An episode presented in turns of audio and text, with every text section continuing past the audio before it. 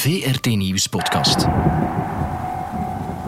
De sfeer is goed, maar het klimaat niet. Al die extreme. Wereldwijd staan we voor grote klimaatuitdagingen. Er is dus wel haast bij. Iedereen moet zijn deel doen. Maar het is niet genoeg. Klimaatneutraal in 2050. 2050. Als klimaatswetenschappers zijn we al 40 jaar aan het zeggen. We're running out of time, but there is still hope. Planeet Frank. Welkom op mijn planeet. Soms stormt het hier, soms is het wat verkouden, maar we zien de gemiddelde temperatuur toch wel snel stijgen. Jullie hebben massaal geluisterd naar de eerste podcast en nieuwe vragen gesteld. Ik selecteerde er drie. Het mooie van klimaat is dat klimaat is iets van lange tijdschalen. IJstijden duren ruwweg 90.000 jaar en worden afgewisseld met kortere warme perioden. Noord-Europa heeft drie ijstijden gekend. Moeten we ons voorbereiden op een nieuwe ijstijd? Extra broeikasgas zou de volgende ijstijd kunnen uitstellen. Na opwarming komt afkoeling.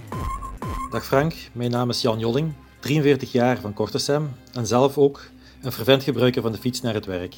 Ik ben hoopvol als ik deze vraag stel. De aarde heeft al verschillende ijstijden en opwarmingen meegemaakt. De planeet vindt precies steeds haar evenwicht terug. Waarom zouden we panikeren? De ijstijden, Jan. Dat is een heel coole vraag. Wel, de ijstijden hebben alles te maken met de baan van de aarde rond de zon.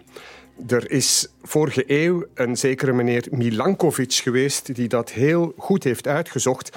De aarde draait niet in een cirkelvormige baan om de zon. Dat is een beetje afgeplat. Soms wat meer, soms wat minder. Oorzaak is dat Jupiter en Saturnus ook een beetje aan de aarde trekken. En dus dat heeft een periode van 100.000 jaar. Er is een tweede reden voor de ijstijden en dat is met een moeilijk woord de obliquiteit. Kijk, de aardas die staat niet loodrecht op het vlak waarin we rond de zon draaien, maar die maakt daar dus een hoek mee. Momenteel 23,5 graden. Dat zorgt voor de seizoenen bij ons. Maar die hoek van 23,5 graden die is niet constant. Dat varieert ook een beetje met een periode van 41.000 jaar. En ja, als die hoek wat groter is, dan zijn de seizoenen bij ons wat meer uitgesproken. En dan is er een derde reden voor af en toe een ijstijd. En dat is, alweer een moeilijk woord, precessie. Het is namelijk zo dat de aardas dat die een tolbeweging maakt. Als je een, een tol neemt en je laat die heel snel ronddraaien, dan zie je dat daar ook nog zo een langzame tollende beweging bij zit. Wel, de aarde kan je beschouwen als een tol. En dus ja, die draait ook zo heel langzaam rond met een periode van 26.000 jaar. Hebben het dus altijd over tienduizenden tot meer dan honderdduizend jaar. Die veranderende aardbaan die maakt dat het klimaat hier dus langzaam verandert met perioden van vele tienduizenden jaren. En op dit ogenblik bijvoorbeeld zitten we tussen twee ijstijden in. Als we nu gaan kijken naar de klimaatverandering die we op dit ogenblik meemaken, dan is die toch van een andere grote orde. Het gaat namelijk op dit ogenblik veel, veel en veel sneller. De aarde heeft in het verleden al iets meegemaakt, steeds hersteld, maar ja, dan soms wel in een andere gedaante. Kijk, we weten uit de geologie dat er af en toe toch wel serieuze problemen zijn geweest. Bijvoorbeeld, er is een massa-extinctie, massa-uitsterving geweest op het einde van het Perm. Dat is een geologisch tijdperk. 251 miljoen jaar geleden. En dan is er blijkbaar iets heel serieus gebeurd, waardoor dat 70 tot 95 procent van alle levende wezens uitstierven. We hebben zo weet van vijf grote catastrofes. De laatste was zo'n 66 miljoen jaar geleden, toen een rotsblok van 10 kilometer insloeg. En de klimaatverandering die daarop volgde, die deed bijvoorbeeld de dinosaurussen uitsterven. En de zoogdieren, tot dan toe heel bescheiden, die pasten zich het snelst aan aan de veranderingen. En kijk, er is nu planeet Frank, de mens is een feit. Nu maken we op dit ogenblik de zesde grote catastrofe mee. Op geologische tijdschaal gaat het heel snel, zien we heel snel duizenden soorten uitsterven als gevolg van snel opwarming van de aarde. Die klimaatcrisis die we op dit ogenblik meemaken, is immers ook een biodiversiteitscrisis. We zien een snelle achteruitgang van het aantal planten, van het aantal dieren, bijvoorbeeld insectenpopulaties, een eh, heel serieuze terugval. Kortom, de aarde zal zich wel herstellen van een serieuze klap, maar we weten niet in welke mate dat het leven zich zal herstellen en dat het nog allemaal net hetzelfde zal zijn als vroeger. Het zou wel eens helemaal anders kunnen uitdraaien voor ons mensen. En dat doet me denken aan een, een mop. Uh, de, de mop van de twee planeten die elkaar tegenkwamen. En de ene planeet vraagt aan de andere: En, hoe is het? En die andere planeet zegt: Oh, slecht. Het is, het is heel slecht. Ah, wat is er aan de hand? Wel, ik heb een ziekte. Ik heb Homo sapiens. Oh, zegt die andere planeet. Dat is niks, ik heb dat ook gehad. Dat duurt maar eventjes.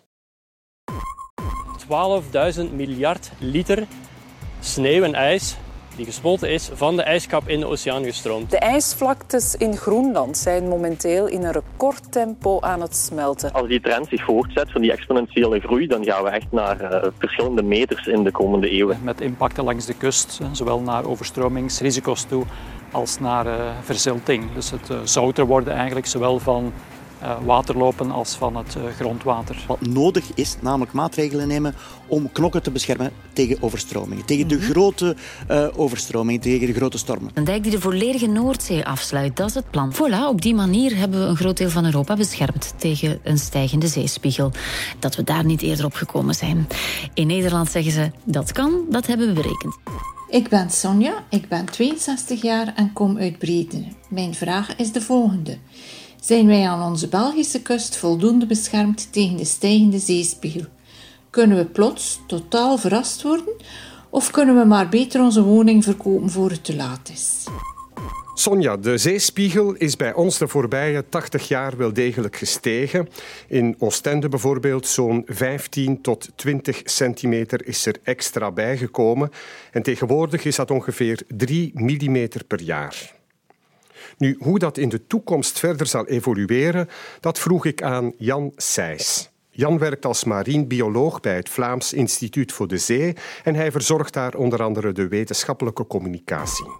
De meest uh, gangbare uh, scenario's en veronderstellingen gaan uit van een stijging van 80 centimeter tegen 2100. Aan onze kust is dat ongeveer de hoogte van een tafelblad. Uh, dat is in het business as usual, een scenario. Natuurlijk ja, we kunnen het menselijk gedrag niet helemaal voorspellen. Eén. en twee, er zijn ook nog een aantal wetenschappelijke onzekerheden. Zo is er onder andere een, zij het nog zeer onwaarschijnlijk, worst case scenario waarbij de ijskappen op Antarctica versneld afsmelten door een soort instabiliteit van de uh, ijspakken daar. En dat we zouden uh, kunnen evolueren naar een 2 tot 3 meter stijging in 2100. Maar opnieuw, vandaag toch nogal zeer onwaarschijnlijk gezien. Zijn we op dit moment al voldoende beschermd tegen het stijgen van de zeespiegel? Wel, we zijn momenteel in volle uitvoering van wat we het Masterplan Kustveiligheid noemen.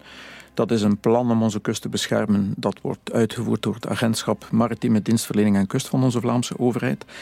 En dat zorgt er eigenlijk voor, als het plan volledig zal zijn uitgevoerd, dat is ongeveer in 2024, dat we dan eigenlijk uh, beschermd zijn uh, tegen een, een, zeer zware storm, een superstorm, een zogenoemde duizendjarige storm, die dus statistisch maar om de duizend jaar voorkomt.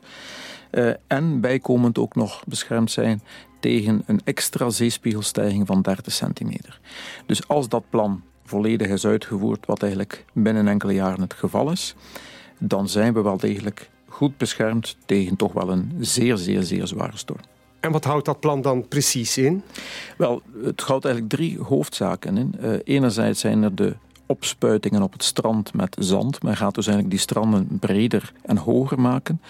Wat ervoor zorgt dat als daar een zware storm binnenkomt, dat eigenlijk die energie, die kracht uit die golven, uit die storm worden gehaald voor die storm de kans heeft om eigenlijk uh, in te beuken op dijken of op duinen. Dat is het eerste. Het tweede is het bouwen van havenmuurtjes, dus eigenlijk langs de loop van de havens. Elk van onze Vlaamse havens hier aan de kust is het belangrijk dat ook daar die dijken wat worden opgehoogd, zodanig dat het water niet bij wijze van spreken via de achterdeur kan binnenlopen. En een derde is, we hebben ook een rivier die op onze Belgische kust uitkomt, de IJzer in Nieuwpoort. En daar is men nu al gestart met de bouw van een stormvloedkering. Dus een soort afsluitbare dam die als hij zal klaar zijn in 2024 bij zware storm preventief kan worden gesloten. En uh, na 2024, wat gebeurt er dan? Om echt uh, gegarandeerd te kunnen zeggen, die duizendjarige storm, laat die maar komen. Uh, dan moeten we dus nog een paar jaar wachten. Uh, wat erna komt natuurlijk is een ander verhaal. 2100, als we dan niet die 30 centimeter erbij krijgen, maar die 80 centimeter. Wie weet meer. Dan natuurlijk gaan we het op een andere manier moeten aanpakken. Dan gaan we toch nog wat extra zaken uit de kast moeten halen. Dan denkt men bijvoorbeeld aan het aanleggen van eilanden, het verhogen van zandbanken, het doen van, van die mega-opspuitingen op het strand. In Nederland heeft men daar een voorbeeld van, dat noemt men daar de zandmotor. We kunnen ook denken aan het laten vergroenen van de, hoge stranden. Want zand dat daar ligt, dat door een soort verduining wordt vastgehouden, zal natuurlijk steviger zijn en minder gemakkelijk wegwaaien of uh, door de storm worden meegenomen. En we kunnen ook denken aan artificiële riffen, kunstriffen, van mosselen en van oesters of van zeewier, uh, die dan voor de kust als een soort buffers, als een soort barrières worden aangelegd. En opnieuw ook weer als die storm eraan komt, wat kracht uit die golven kan halen. Ter vergelijking, de storm van 31 januari en 1 februari 1953, met in Nederland meer dan 1800 doden, was een typisch 250-jarige storm. Een storm met uh, langdurige wind uit het noordwesten, dus loodrecht inbeukend op de kust en dat in combinatie met springtij. Als gevolg van die zware storm is Nederland zich nu aan het wapenen tegen een 10.000-jarige storm. Ze hebben natuurlijk veel meer te verliezen dan wij, want Nederland, Holland, ligt grotendeels onder de zeespiegel. Maar ook wij in Vlaanderen moeten ons tijdig voorbereiden, waarschuwt Jan Seys. We hebben dus dat masterplan kustveiligheid, wat tegen 2050 ons klaarzet voor die extra zeespiegelstijging van 30 centimeter. 2100 lijkt nog ver af, maar we mogen natuurlijk ook niet uh, bij de pakken blijven zitten. We moeten tijdig alles in gang zetten, ook met onderzoek, om te zorgen dat we voorbereid zijn als toch maar zou blijken dat we daar die 80 centimeter inderdaad krijgen. Uh, wie weet meer, omdat natuurlijk die plannen uit te rollen kosten ook tijd, kosten misschien ook wat overtuigingskracht, uh, het zoeken naar de juiste middelen. En ja, je kunt, kunt daar eigenlijk niet op wachten. Uh, wacht je te lang, uh, tot bij wijze van spreken 2099, dan speel je niet met vuur, maar dan speel je met water. Ja, Sonja, je moet je woning dus nog niet verkopen, maar we moeten wel waakzaam blijven en tijdig voorzorgen nemen. The sun develops spots that are about the size of Earth and they change in intensity and number over time. Wat heel eigenaardig is aan zonnevlekken, is dat er uh, niet altijd evenveel zonnevlekken op de zon zijn. En daar zit een hele duidelijke cyclus in. We bevinden ons op dit moment aan het eind van een zonnevlek minimum. En er wordt ook wel gezegd dat er dan een paar koude winters zullen volgen. Klimaatveranderingen. En die veranderingen treden heel vaak gelijktijdig op met de verandering in activiteit van de zon. Een zonnestorm wordt veroorzaakt door de uitbarsting van elektrisch geladen deeltjes van de zon. Hey, dag Frank, beste weerman. Ik ben Niels uit Oetingen en heb een vraag voor je. Nog niet zo lang geleden vroeg ik mij af of naast de broeikasgassen zoals stikstof en methaangas, sneeuwoppervlakken, uh, vulkanen, dat andere element, uh, met name de zon, een invloed kan uitoefenen op de globale temperatuur. Denk maar aan de zonactiviteit en de befaamde zonnevlekken. Kan je mij daar een antwoord op geven? Hartelijk bedankt. Niels, onze zon is allesbepalend. Zonder zon geen leven op aarde. Als onze zon zou stoppen, dan is na acht minuten alle licht uit. Want uh, het licht doet er acht minuten over om tot op de aarde te geraken. In dat geval is er dus geen Planeet Frank podcast meer. Onze zon is een ster. Een ster met een vrij rustig leven. Er bestaan er andere, maar dus onze zon, ja, dat is een, een gemiddelde ster zonder brutale uitschieters. En de energieoutput van de zon die is vrijwel altijd constant. En dat is natuurlijk erg belangrijk. Nu ontdekte Galileo Galilei in 1610 met zijn pas ontwikkelde telescoop op de zon zonnevlekken. Dat zijn gebieden waar het precies iets donkerder is dan elders. Hij keek daarnaar met zijn telescoop zonder zonnefilter en hij heeft het zich altijd beklaagd. Je mag dus nooit zonder filter naar de zon kijken. In de daaropvolgende decennia en eeuwen bleek dat de zon een periode heeft van elf jaar. Dus om de elf jaar zijn er veel zonnevlekken En soms zijn er weinig zonnevlekken. Die periode van 11 jaar, wel op dit moment bijvoorbeeld, is er een minimum aan zonnevlekken. En we verwachten dat tussen 2023 en 2026 dat het volgende maximum aan zonnevlekken wordt bereikt. Je zou verwachten dat tijdens een periode met veel zonnevlekken dat de zon dan net iets minder energie naar de aarde stuurt, maar net het omgekeerde is het geval. We weten dat de zonneconstante, de hoeveelheid energie die de zon constant richting aarde stuurt, die is 1361 watt per vierkante meter. We weten dat onder andere dankzij de mensen van UCO, die hebben daar een belangrijk centrum voor, het Sunspot Index Data Center. Wel, het blijkt nu dat bij een actieve zon met heel veel zonnevlekken, dat de zon dan 0,1 procent meer energie naar de aarde stuurt. Dat is ruwweg 1 watt per vierkante meter extra. Onze zon mag dan misschien wel rustig zijn. Er zijn natuurlijk af en toe zware uitbarstingen. Die zorgen dan met al die elektrisch geladen deeltjes die richting aarde komen voor noorderlicht. Die zware uitbarstingen op de zon die kunnen radioverkeer op aarde hinderen. Die kunnen GPS-satellieten doen uitvallen. Ja, zelfs grote energieproblemen veroorzaken.